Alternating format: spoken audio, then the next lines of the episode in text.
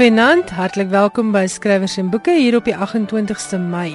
Ek is Elsje Saltzveld en jy's natuurlik ingeskakel op RSG 100 tot 104 FM. Eerstens 'n bietjie nuus oor die Sunday Times letterkundige toekenninge. Die kortlyste is verlede week bekend gemaak. Die kortlys vir die Allen Payton toekenning vir nuwe fiksie. Die vyf name daarop is Max de Pre met A Rumor of Spring. Mandy Winner en Vusi Piccoli met My Second Initiation, The Memoir of Vusi Piccoli.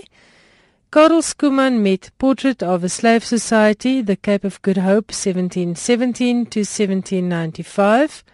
Elizabeth van Heiningen met The Concentration Camps of the Anglo-Boer War, A Social History. En dan die vyfde naam, Sean Viljoen met Richard Reeve, A Partial Biography. Op die kortlys vir die fiksieprys, dit is die Sunday Times fiksieprys, is daar ook vyf name. Lauren Bekus met The Shining Girls, Dominique Botha met False River, die Engelse weergawe van Valsrivier. Songesiwe Mashlangu met Penumbra, Claire Robertson met The Spiral House, en Eben Venter se Engelse Wolf Wolf wat natuurlik die Engelse vertaling is van die Afrikaanse Wolf Wolf. Baie geluk aan hierdie 10 benoemdes en baie voorspoed. Die wenner word op die 28ste Junie aangekondig.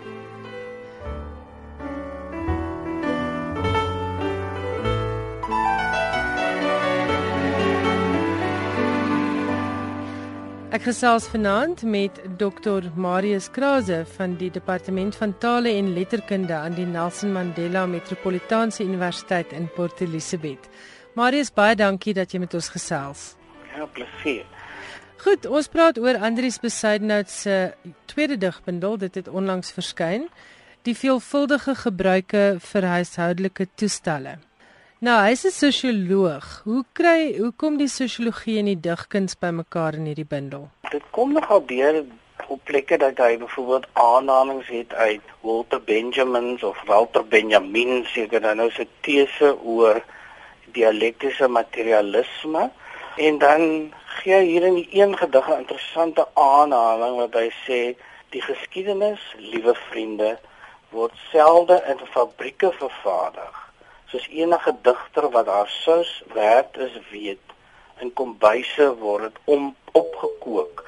So dan daai idee dat jy die ware werkersklas die sosiologie die arbeidsproblematiek eintlik in die kombuis moet gaan soek en in die kombuis gaan probeer oplos. En ek dink dit kom sterk deur in van die verse en ook dan hierdie dat hy byvoorbeeld oor wasmasjiene en kombuistoestelle en so voorskrywe. Want dis eintlik tradisioneel vroue 'n vroue gebied waarop hy hom nou hier waag met die huishoudelike goedere, né?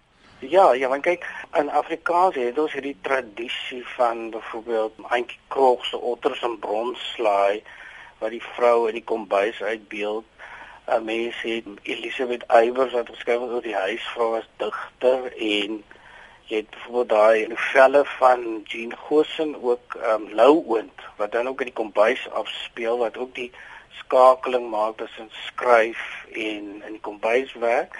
En dan later digters soos byvoorbeeld Joan Hambidge het byvoorbeeld 'n moderner weergawe gegee van hoe die digteres in die kombuis nou is. En nou hier het jy dan nou hierdie man wat dan nou skryf oor stowwe en wasmasjiene en en ook sketse insluit wat hy self gemaak het van byvoorbeeld naaimasjiene of kompressors of allerlei kombuis toerusting wat dan hier ingesluit word. Wat beteken die titel? Waarna verwys dit? Ek dink die titel probeer van 'n soort van dui op die dubbelduidigheid van die bundel. Aan een kant het jy hierdie klomp huishoudelike toestelle, maar dan aan die ander kant het jy ook dat dit ek dink in 'n sekere sin aansluit by die mens, onsself, ons verskillende dimensies dat ons eintlik dan 'n soort van soos hierdie toestelle sekere verskillende funksies dan het.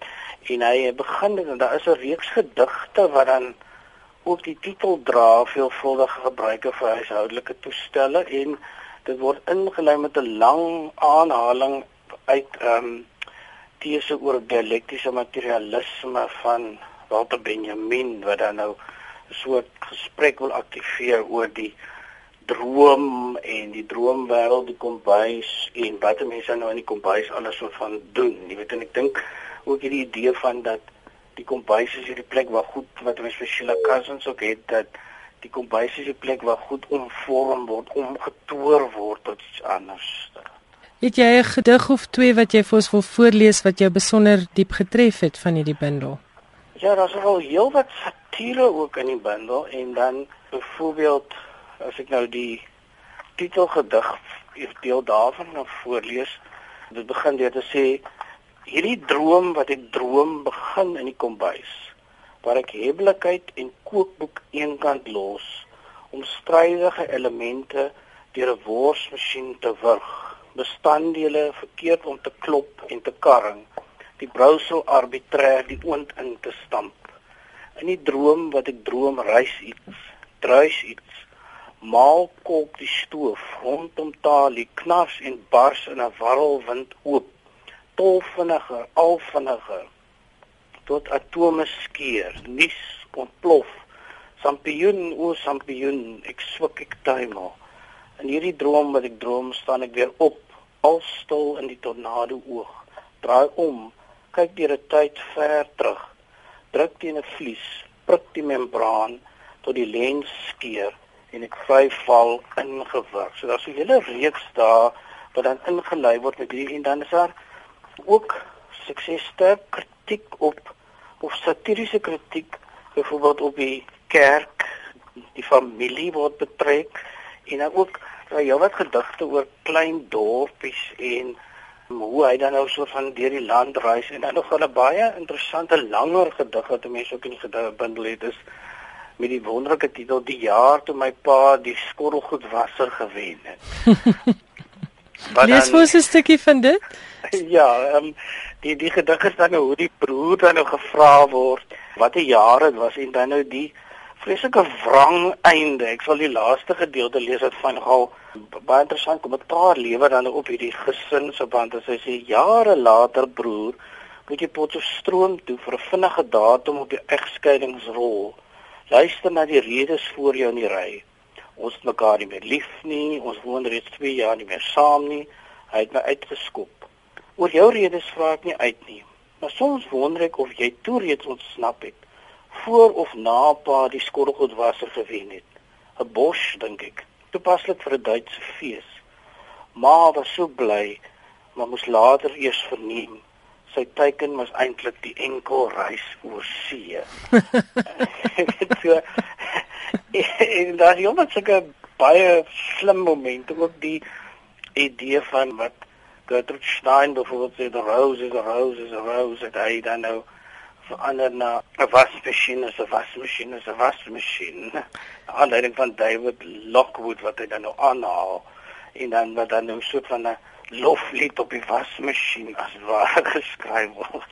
Wel terwille van ons almal wat ons eie wasgoed moet doen, wil jy nie vir ons daai een lees nie. Daar's 'n hele paar kom ons lees een liewe wasmasjien. Liewe wasmasjien, waar vind ek jou naam? Hoe sal ek jou beskryf? Tussen tesaurus blaaie laat ek vingerafdrukke dryf. Of waar is jy heen? Polka jy alweer solo in die reën of doen jy slou dans in die kombuis se hoek?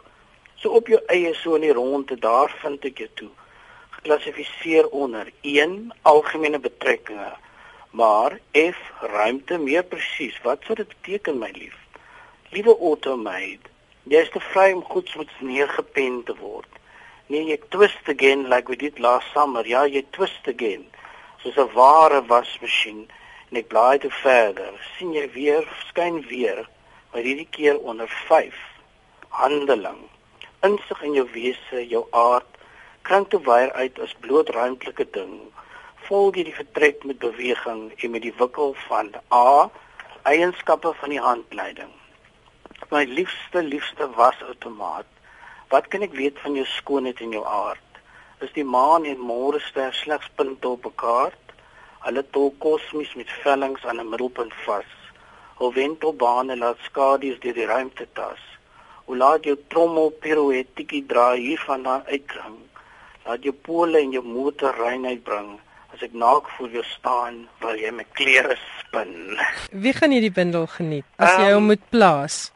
Ek dink Jy weet dit vir die ernstiger lesers sal daarvan hou, maar eweneens sal mense wat jy weet in 'n huis met huislike toestelle, want ek dink as mense dit gelees het, dan kyk jy met ander oë na jou wasmasjien of jou stoof byvoorbeeld. Ek dink dit die naaste wat ek nogal daaraan gedink is is toe sy in die fliek Shirley Valentine by die reeks vroue so vertel en dan sê die een sy praat met haar mikrogolf en die ander een sê sy praat met haar muur.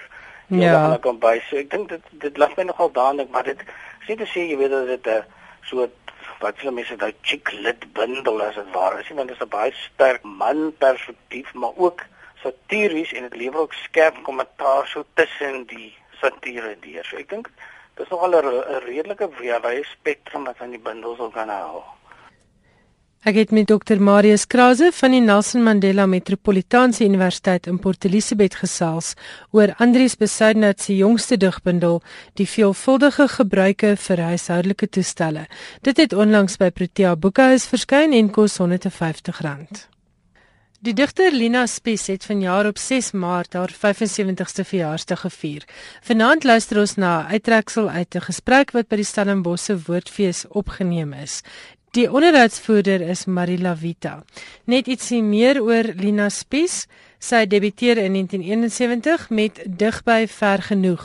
Hierdie bundel is bekroon met die Ingrid Jonker sowel as die Eugene Maree Prys. In die meer as 40 jaar sedert haar debuut het nog 9 digbundels uit haar pen verskyn. Sy is natuurlik ook akademikus en vertaler. Haar vertaling van die dagboek van Anne Frank, Die Agterhuis, is in 2011 bekroon met die Suid-Afrikaanse Akademieprys vir vertaalde werk. Haar vertaling van Greenberg se bekroonde roman Terza het pas by Protea Boekhuis verskyn. Hier is dan die gesprek baie dankie aan die Stellenbosse Woordfees en Uno FM wat dit vir ons beskikbaar gestel het. Ek hoop jy vind inspirasie in die woorde van Lina Spies en ek wil veral voornemende digters en aspirant digters en skrywers nooi om saam te luister en te leer van 'n groote. Lina, kan jy jou eerste gedig onthou? So waar ek kan dit onthou. Ek is dadelik by my pa se rol in my lewe. Hy het baie vir ons gedigte voorgeles, dit het jy nou gehoor. En hy was daarvoor verantwoordelik dat in die uh, kom ons noem dit nou die inspekteursomgang van die Oos-Vrystaat daar 'n koerantjie verskyn het. En alhoewel hy nooit sy kinders gepropageer het nie, weet ek hy het dit eintlik ter wille van my gedoen. En daar het twee kinderlike gediggies in verskyn. Die lente is jonk, die velde die pronk. Almal is vrolik, nie een is meer oulik en ek was toe maar 'n uh, kind van so ongeveer 10 jaar mm. oud so ek weet nie of mens regtig aan daai gediggie met die slymerende talent kon sien. Okay, dit klink vir my tog so ja. Ek wil vir jou vra jy het al gesê dat Opperman het het jou teruggehou en gesê kom met 'n sterk bundel en moenie sommer net dadelik 'n bundel wil publiseer nie. As jy nou terugkyk by nabetragting, dink jy dit was dit was goeie raad gewees of dink jy jy kon eintlik vroeër gedebuteer het. Uiteraard dink 'n mens daaroor na. Hmm.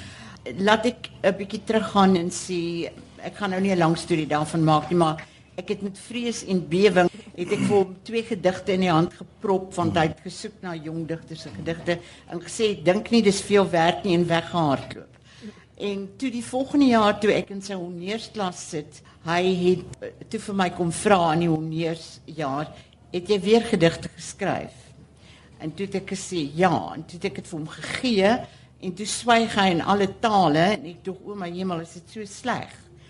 En toe kom hy een keer in die kantoor in en hy sê vir my beantwoord asseblief vir my hierdie brief. En ek dink wat 'n vreemde ding, hy het nog nooit sulke goed vir my gevra om sy briewe te beantwoord nie. En ek begin lees en daar staan beste Dirk, ja die digter die, dogter digteres het regtig talent. En toe was dit van my gedigte wat in die standpunte verskyn het. Dit het my drang om te publiseer voorlopig, sal ek sê, vervul. Okay. En ek was bereid om te wag. Die laaste episode wat hy my teruggehou het, het hy vir my gesê hy het my vorige manuskrip toe gesien op daai stadium. As jy 'n uitgewer wil hê om jou in jou eie nek wil afsny, kan ek môre vir jou een kry waarop ek gesê het nee maar ek wil nie my eie nek afsny nie. En toe het hy baie ernstig vir my gesê jy's op pad Nederland toe vir studie. Kom gaan eers en as jy terugkom, kom ons kyk dan.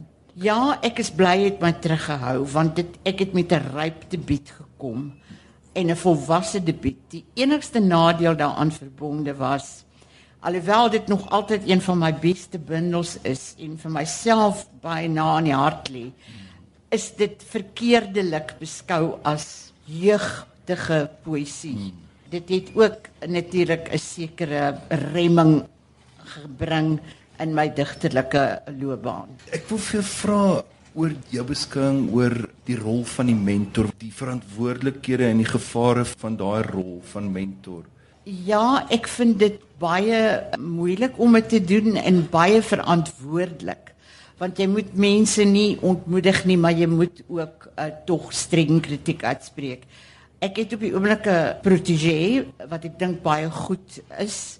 Maar sy is gefrustreerd deurdat sy teruggehou word want dit gebeur nou dat mense hardloop en vinnig publiseer en gou publiseer en op Facebook publiseer. Uh, dit is moeilik om by 'n digter die geduld aan te leer. Ek leer hulle maar wat Opperman vir my geleer het. Bly tog weg van onderwerpe soos liefde en eensaamheid en God.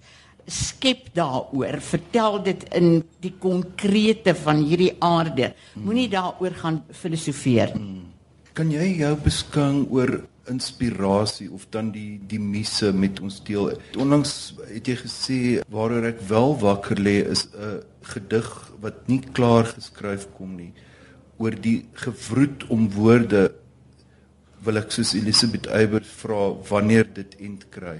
Ek is 'n inspirasiedigter. Ek kan nooit op 'n oggend opstaan, my koppie koffie drink en behoorlik wakker word en sê, "Ag, ah, ek gaan 'n gedig hieroor skryf nie." Ek moet geïnspireer word om iets te skrywe. Maar ek wil nie die geïnspireerdheid as iets vreeslik bo mensliks uh, voorstel nie. Dit is altyd gekoppel aan hierdie werklikheid alhoewel jy dit self soms soos Pablo Neruda belewe dat jy nie kan glo nie dat poesie jou ontmoet en dat jy in 'n ander dimensie half kom in die skepingsproses laat ek oor Anne Frank uh, vertel want dit is die maklikste en dit onthou ek die beste. Ek het haar dagboek gelees in 1961 en ek het dadelik geweet oor hierdie meisietjie wat uh, moes sterf in Bergen-Belsen en nie haar droom om 'n skrywer te word kon verwesenlik nie. Sy weet niks van haar postieme roem af nie. Maar ek kon nie oor haar skryf nie. Ek kon nie sommer gaan sit en nou nou gaan ek 'n gedig oor Anne Frank skryf. En ek het dus ook geleer dat jy werk vir 'n gedig. En ek het haar die die gevoel, die drang was daar, maar ek het haar dagboek gekoop. Gelukkig in die oorspronklike Nederlands was dit beskikbaar en ek het dit baie deeglik gelees. En op 'n Sondag aand toe kom ek by hierdie Sondag aand kos. Al hierdie curry eiers is daar en en melk. En melk is vir my die aaklikste drank op aarde. En ek dink hoe verskriklik en dadelik is dit daar. Anne Frank. Hulle het honger gelei. Hulle aardappels het vrot begin word. Hulle moes halwe vrot aardappels eet en die woorde kom by my op.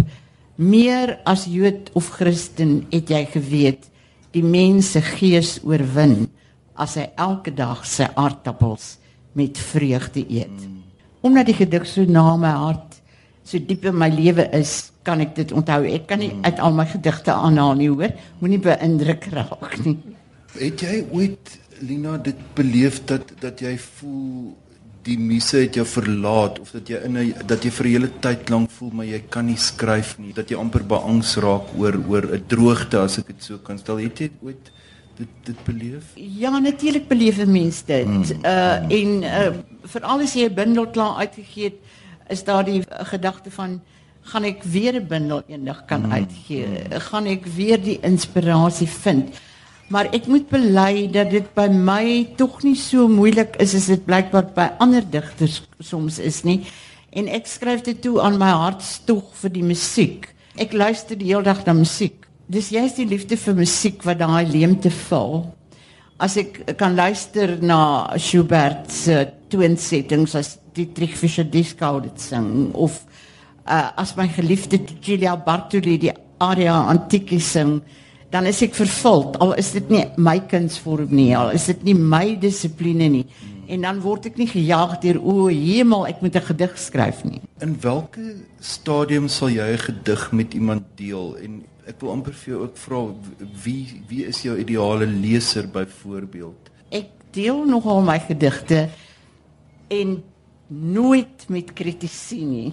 Ek hmm. dink uh, dit is die laaste stap voor ek 'n bundel publiseer. As ek 'n gedig skrywe wat tot iemand spreek, dan gaan ek dit vir daai persoon stuur. Ek deel dit met uh enkelinge. Dis baie swaar om dit met jou familie te deel. Hulle hou meestal niks daarvan nie, hoor. En sê hulle dit dan? Hulle swyg gewoonlik. jy het in 'n vorige onderhoud gesê jonger skrywers en digters behoort nie oor hul eie werk te praat nie omdat hulle nog nie kan bepaal wat die aard van van hul skrywerskap is nie. En en jy het ook gesê daar's niks wat inspirasie of die muse dan so wegdryf as selfbewustheid nie. Ek kan seker na hierdie 75ste verjaarsdag baie daaroor sê maar ek sal dit kort hou. Uh, het op versoek van die dames van die biblioteek wat al die versamelings nou ingebind het van my en Henny Oukamp uh, en ons moes dit ontvang en uh, Marina het gevra of ek oor eie werk sal praat en self 'n tema voorgestel en natuurlik het ek ja gesê en ek het dit uh, Vrydag uh, gedoen om 12 uur die middag in die biblioteek en toe ek klaar was en ook baie waarderende opmerkings gekry het het ek gesê hierdie lesing moet ek so gou as moontlik vergeet. Ja, dit sal my verskriklik strem om oor myself te gaan sit en dink. Uh hierdie mooi praatjie wat Alida gehou het, was waar. Ek ek besef dit alles wat sy gesê het is in my werk, maar bewaar my dan van om daaroor te begin sit en dink want dan hou ek dadelik op met skrywe. Hmm. Ek kan nie glo dat mense uh, goed op uh, Facebook of wat ook al skryf en in bewondering hulle eie goed sit en lees en dit vir mekaar in groepsverband voorlees en die Vader weet wie almal dit moet sien nie. Ek, ek veral as dit intiem deel is van jou, gaan ek nou 'n intieme liefdesgedig van my onmiddellik vir die wêreld uh stuur om te gaan lees. Ek begryp nie hierdie exhibitionisme nie. Okay. Johan de Lange sê Lina Spies skryf 'n gedig wat onmiddellik as haar eie herken word. Nou wil ek vir jou vra hoe het jy jou eie stem gekry en en en wat bedreig die vorming van van daardie eie stem? Ek bedoel het jy byvoorbeeld bewustelik daarteen gewaak om deur ander digters skrywers beïnvloed te word of dit fascineer my daai Ek kan dit ja, 'n digter met 'n eie stem hê, hmm. anders moet hy maar swyg. Hmm het bewus gewaak teen die stem van Elisabeth Eybers. Ek het haar uh, gehoor praat in my werk. Ek dink nie sy praat meer saam nie want ek dink ek en sy totaal verskillend verder ontwikkel. Ja, ek het my definitief daarvan afgesluit. Ek ek moes dit doen. Ek het vir haar 'n lang tyd ook nie gelees nie. Maar ek dink Eyskriege het uh, toe ek die Ingrid Jonker prys ontvang het gepraat en hy toe reeds gesê dat ek 'n duidelike eie stem het en hy het verkeerdelik my tweede bundel Winterhawe daar gehad en nie dig by ver genoeg nie. Dis sê agter maar dit maak nie saak nie, sy het al haar eie stem mens hoor dit ook in Winterhawe. Okay. En en die ou kamp was saam met my daar en hy het my later daarvan bewus gemaak van hoe 'n belangrike ding hy gesê het. En ek het ook besluit dan het ek dit maar ek moet ook nie te veel daaroor uh, dink nie. Maar ek het nou onlangs wel 'n gedig oor die einste Cecilia Bartoli geskrywe. Hmm. En ek het eet, uh, my vriendin na wie ek verwys het met my gedigte lees, het gesê Lina, besef jy hier's iets van jou eie credo in hierdie gedig. Want Cecilia Bartoli uh, word deur die kritisie gedurig gekritiseer oor die volgende: Jou stem is te klein. Jy moet uitkom uit die 18de eeu. Jy moet ophou om Mozart te sing. En haar antwoord in 'n biografie oor haar is die volgende: Ophou om Mozart te sing. Hy is 'n engel uit die paradys. Hmm. Oor die 18de eeu sê sy: Ek is hier vir die 18de eeu. Die Padre Eterna, die ewige Vader, het my bedoel vir die 18de eeu. En dan het sy uh, nog iets gesê wat vir my geweldig getref het. Sy het gesê die kritisie sê my stem is te klein. Sy sê kan niks daaraan doen nie. Dis my stem. En ek het eendag vir Opperman gesê, Marie, ek gaan nou skryf soos die kritisie wil hê ek moet skryf. Dis sê vir my, jy hou aan skryf soos jy skryf. Johan de Lange weer eens uit uit iets geskryf wat wat Alida ook net nou aangehaal het um oor jou die hy skryf by jou word die deur reis van landskappe veral die Vrystaat, Boland en Nederland maar ook die Bybelse en tekstuele ruimtes uiteindelik 'n soeke na betekenis in die hiermaalse sowel as die hiernamaalse wanneer jy in die een ruimte verkeer is daar 'n verlange na die ander sodat haar verse gevoed word deur 'n sterk elegiese sintuig, 'n gevoel van ontheemding, van 'n heimwee na elders.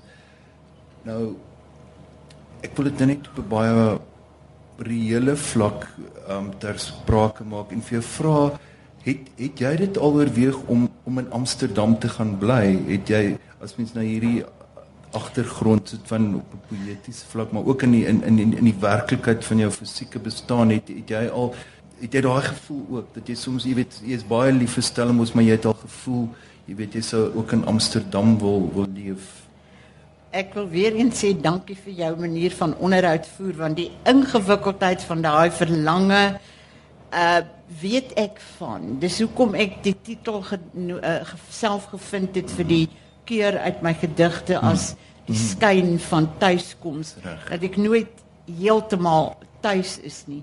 Maar die vraag oor Amsterdam maak dit nou maklik. Ja, ek het uh hier in die jare 90 toe ek net so 60 jaar oud geword het, het ek gedink moet ek nie nou maar uh emigreer en in my geliefde Amsterdam gaan woon nie. En ek het 'n lang tyd daarmee rondgeloop en toe tog besef ek kan dit nie bekostig ekonomies nie. En ek het ook besef maar ek is aan die ander kant so ontsettend geheg aan Stellenbosch. En toe het 'n Nederlandse vriend vir my gesê, "Hou tog op met hierdie pratery oor jou verskeurdheid tussen twee lande. Noem dit nou net 'n keer 'n verryking." En die oomblik toe hy dit gesê het, toe het die konflik heeltemal verdwyn.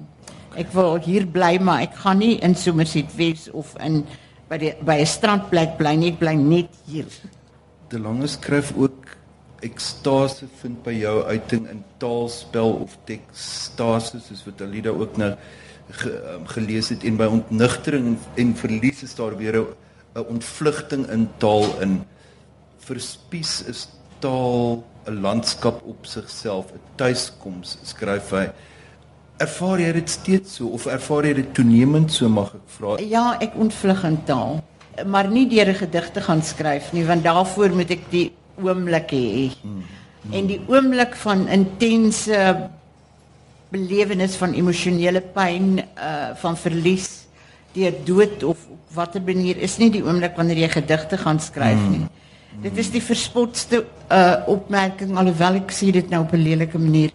Uh dis 'n begryplike opmerking wat mense soms maak. Maar het jy nie toe dan geskryf nie? Nee, dan kan ek juist nie skryf nie.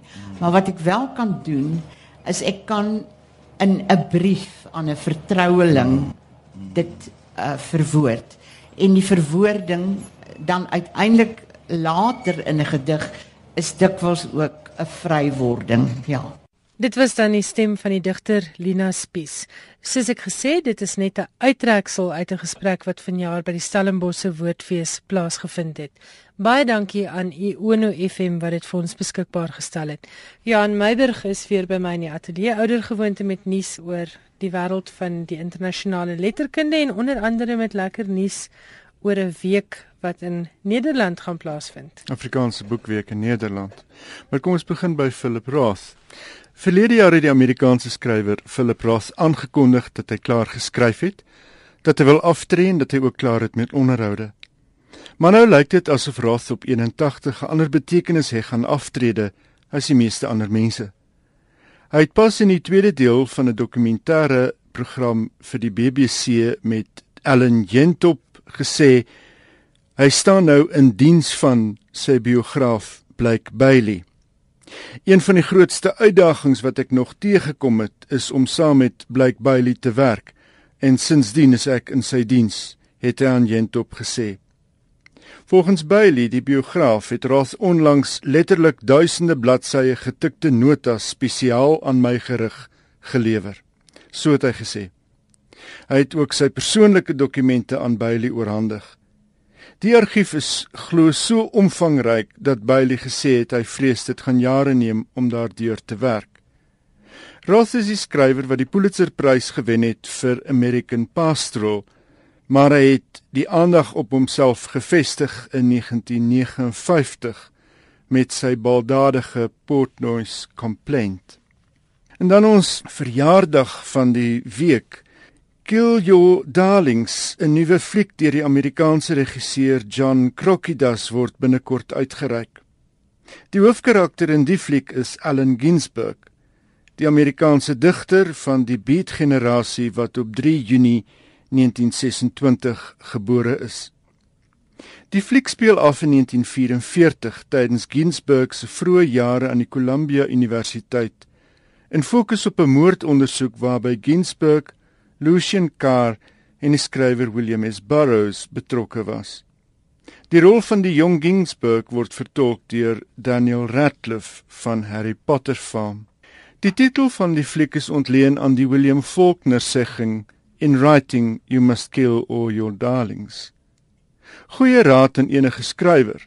Raak ontslaaf van frases, sentimentele gedagtes en benut elke oop bladsy om jou uit te druk sonder om na te dink oor die gevolge. Nou goed, hoe die raad uitspeel binne die gegewe van 'n moordsaak sal 'n mens moet sien. Dit was aan die Columbia Universiteit waar Ginsberg Burroughs en Jack Kerouac hulle gevestig het as spulpunt van die beatbeweging, bekend vir hulle onkonvensionele sienings en dikwels opruiende gedrag in eksperimentering met dwelms. By een geleentheid het Ginsberg sy kosseskamer gebruik om gesteelde goedere wat 'n vriend bekom het te stoor. Toe hy daarvoor aangekla is, het hy besluit om aan te voer hy is versteurd. Gevolglik het hy etlike maande in 'n inrigting deurgebring. Hy het wel sy studie voltooi en is in 1954 San Francisco toe. Op sy CV verskyn onder meer betrekkinge soos skrywer, swyser, skorrelgoedwasser, literêre agent, verslaggewer. In San Francisco het hy mede-stigter, mede-direkteur en onderwyser geword aan die Jack Kerouac School of Disembodied Poetics. Die skool het hy en die digter Anne Waldman gestig op aandrang van Choigam Trungpa, 'n Tibetaanse boeddhistiese monnik. In 1956 het Ginsberg aandag getrek met sy Howl and Other Poems. Howl, 'n lang gedig in die trant van die van Walt Whitman, is 'n angskreet teenoor die destruktiewe uitbuitende samelewing. In menige resensie is die rouheid van die woeste en seksueel eksplisiete gedig besing. Die grafiese taalgebruik in die gedig het ook die aandag van die owerhede getrek. In die boek is as opseën verklaar en die uitgewer, die digter Lawrence Ferlinghetti, is in hegtenis geneem. Na hofsaak wat heelwat aandag getrek het, is geoordeel dat Hell toe nie opseën was nie. In sy uitspraak het regter Clayton W Horn gesê: "Sal daar sprake kan wees van spraakvryheid as 'n mens jou woordeskat moet beperk tot flou eufemismes. Na Hell het Kadish and other poems in 1961 gevolg. Kadish, soortgelyk aan Hell, is geskoei op die Hebreëse gebed vir afgestorwenes en handel oor sy ma Naomi se lewe. Sy het 'n lewenslange stryd met sielkundige probleme gehad. Ginsberg het deelgeneem aan nie gewelddadige protes teen 'n hele aantal kwessies van Vietnam tot die sogenaamde War on Drugs. So het sy gedig September on Jessore Road byvoorbeeld die lot van Bangladeshi vlugtelinge uitgebeeld. In 1972 is hy in die tronk gegooi vir protes teen die indertydse president Richard Nixon by die Republikeinse Nasionale Konvensie in Miami. In 1978 is hy en sy lewensmaat Pieter Orlovsky in hegtenis geneem toe hulle op 'n treinspoor gesit het en 'n trein met radioaktiewe afval tot stilstand gebring het in Colorado. In 1997 is lewerkanker by Ginsberg gediagnoseer. Kort daarna het hy beroerte gekry en 2 dae later op 5 April 1997 is hy dood. Sy laaste gedigte is saamgevat in Death and Fame, Poems 1993 to 1997. Een van die beste beskrywings van Allen Ginsberg is die woorde: He was a bridge between the literary avant-garde and pop culture. Ons en dan berig Willem de Vries in die Burger, die Afrikaanse boek kry binnekort in Nederland en Vlaandere aandag wanneer die eerste week van die Afrikaanse roman van 19 tot 28 September daar aangebied word. Die week word aangebied deur die werkgroep Afri Netwerk, 'n inklusiewe, nie-rassige inisiatief wat al die sprekers van Afrikaans wil bevoordeel. Afrikaanse skrywers wat gaan deelneem is Etienne van Heerden, Irma Joubert, Sonja Loots, Kirby van der Merwe en Marita van der Vyver. Die digters Ronelde Kamfer en Nathan Trantraal is in September ook in Nederland en sal aan van die aktiwiteite op die program deelneem. Trantraal benewens digter ook visuele kunstenaar het die feeslogo vir die fees ontwerp. Janet Paul is in September in België. Die program vir die week sluit in aktiwiteite soos optredes deur die Afrikaanse skrywers in boekwinkels en biblioteke, 'n simposium aandag aan die Afrikaanse roman in die media 'n debat oor literêre vertaling en 'n aanbieding vir Suid-Afrikaanse uitgewekenis. Vir biblioteke word 'n volledige oorsig opgestel van Afrikaanse romans wat in Nederlands vertaal is en vir boekwinkels word 6 of 8 kerntitels bymekaar gesit met die oog op aankope. Besoek www.weekvandeafrikaanse-roman alles een woord.nl vir meer besonderhede. My ateljeegas vanaand is KCB Dolan, natuurlik bekend as 'n aktrise, 'n TV-aanbieder, radiopersoonlikheid en sy was ook op 'n stadium aangewys as die tydskrif FHM se seksieste vrou. Casey is onlangs in Amerika bekroon vir haar rol in Confetti. Sy is aangewys as die beste aktrise in 'n buitelandse film. Sy het verlede jaar gedebuteer met 'n outobiografie en vanaand gesels ons oor haar fiksie debuut When the Bow Breaks. Hierdie boek is dadelik opgerap deur oorseese agente en reeds in Frans en Spaans vertaal. Sy het reeds 'n tweede roman voltooi en werk tans aan 'n derde roman. Nou ja, 'n hele mond vol vir iemand wat boonop 'n enkel ma is. Ek wou baie weet hoe dit gebeur het dat sy 'n skrywer geword het. You know, it's very difficult to be taken seriously as a writer when you've had the kind of career that I've had, particularly as you mentioned, being on the cover of FHM and things like that. People are like, what? You know, what are you writing, really? But I have to say that I've been obsessed with words for as long as I remember. For my 21st birthday, my mother got me a dictionary. I mean, how many kids can really say that? Didn't um, you know enough words by and then? I was ecstatic. I hadn't got enough reading in, um, and I read it from from start to finish. It, it it's one of those very very strange things. Um, like i am a closet nerd. really? and um, I'll post a picture, and then you can judge for yourself. and so I I have been writing ever since I can I can remember. I had my my first uh, little publication when I was six years old in the school newsletter that they used to send out. So I've been writing for as long as I can remember. I've been a person who really, really enjoys expressing myself and really enjoys connecting with people and entertaining people. So whether it's been in front of camera in all sorts of various different ways, whether it's been as an actress, which I was trained as, or in a presenting capacity, if I can reach people and I can use my energy to entertain or translate a certain message or you know that is what I want to do with my life. And so obviously being a, a, mother I moved into a different phase in my life away from acting and away from presenting and more into uh, the written word because it was a space firstly where I think I've matured into and secondly when you're single mothering it's very important that you have you know as much space for well, I need to have as much space for my little boy as I possibly yes, can. Yes, and you must work from home or yes. at least where your child can be with you. And I've had him on set with me. I've, I've done films with him, and it's extremely, extremely difficult. It's now getting easier, obviously, because he's getting older. But um, through his infancy, I have filmed. I filmed some Hollywood films during that time. And it was a very, very stressful period. And I have to say that writing has been a lot more easy with routine, Yes, yeah. regarding routine. Maybe not my headspace, but with reg- regarding routine. And, And you can do it while he's asleep or Exactly, yeah. which is when I do early morning or time. whatever. Exactly. Um, let's talk about your novel first. Tell us a bit about the story, but obviously don't give away Okay, I'll tell you that it's issue driven, upmarket women's fiction. This is a book written for women.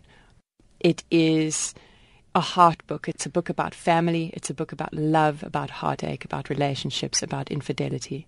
It's a mystery book, so it's going to keep you literally turning the pages. I can give a little quick read, uh, which is just the back of the book, the blurb which says Amber Whittington Jones is dying. In her last days, she begins to write her own story in an attempt to make sense of her life, to explain herself, and the one person who might still understand why she made her choices. But for all her insight, Amber cannot foresee the events that are about to unfold, events that will once again bring her family to its knees and force the past out into the light. Where did the story idea come from? I started in a completely different vein to what it ended up being. I had read Fifty Shades of Grey and I thought, gosh, that's a very successful book. I think I can do that. I think I can do that. and within 39 pages, I had written myself into, into a corner and the book suddenly evolved and it became something that was very much a heart book and very much driven from a sense of emotional content rather than just that flippancy. It's a it's a very very intensive book about uh, a woman's spirit and about motherhood. Ironically, that uh, I've had a few men read it, quite a few actually, and they've read it within a day. So I thought it would just relate only to women, but I think that there's a lot of men who have really, really enjoyed the story. So I found that quite interesting too. You wrote an autobiography too. Which genre do you prefer, fiction or non-fiction? I love writing fiction, writing stories, taking people on the flight of imagination. My autobiography was, in a sense, a stepping stone towards my writing career because I knew all the characters, I knew the plot. It wasn't um, difficult in terms of being able to write. It, what was difficult about my autobiography was being able to write about people who are still alive Yes, yeah. and who are going to be affected And bearing all, basically. and bearing all and what the repercussions for that would be for me. So that was very difficult. But in terms of writing the story, that flowed very, very easily. Whereas writing the fiction, it was like a bit of a boxing match. It was every single day when I sat in front of the computer, I would really have to work hard at keeping the tone and keeping a certain tonality through the entire book, mm, you know? Mm. How long did you write? Or, or how long? end, when yeah. the bell breaks, I wrote in five months. How many hours a day? Because it's it's uh, It's a substantial book. 384 uh, pages. Yeah, it's just under 400 pages. yeah. It's a substantial read. Um, I wanted it to be a read that women can feel that you really have a meaty read. And it's also how it turned out. You know, obviously a book is what it is. But I did finish it within a goal. You know, I had a goal in mind and I, and, and I did complete it in that goal. How many hours a day? My routine generally is I would get up and look after my boy for the first hour. I do all sorts of things with him and then drop him at school and then I go walk my dogs in the mountains, which is my time to kind of get my head Mm. totally into gear and then get home and write for a good two hours. Then prepare lunch, fetch my child, take him to whatever extramurals I have to do, get him down somewhere around 7, 7.30 at night and then write until 10. Okay, so You've got to basically, be disciplined. Yeah. You've got to be very disciplined. and you make the most of those five or six hours a day. That's why I say it's a boxing match because it's not a case of I'm going to sit down, I'm going to write when I feel like it. It's a case of I'm going to sit down, I'm going to write. And sometimes you write three sentences and you want to cry because you're pushing out every single word. Yes. And then other days, I mean, some mornings I wrote 5,000 words easily. easily, mm. which for some people, I don't know what that translates to, but it's like 20 pages of writing. It's, a, mm, it's a mm. lot of writing. Um, so it just depends on the day, but you have to be disciplined enough to sit down and do it. I hear this from a lot of writers, and I hear from a lot of aspiring writers that they're waiting for the muse. And the established writers will tell you there is no There is such thing as a muse, or No. she's off drinking or something, but, but she's never where you want her to be. No, and and every character for me, I'm I, there's people like Jonathan Franzen, who's one of the most ridiculously brilliant writers, um, who wrote Freedom and, and the Corrections. Um, and he he would be horrified by me because he says you should know your characters so intimately they will never surprise you. You know exactly where they're going to be. Do these characters surprise me all the time, and everyone I write surprises me.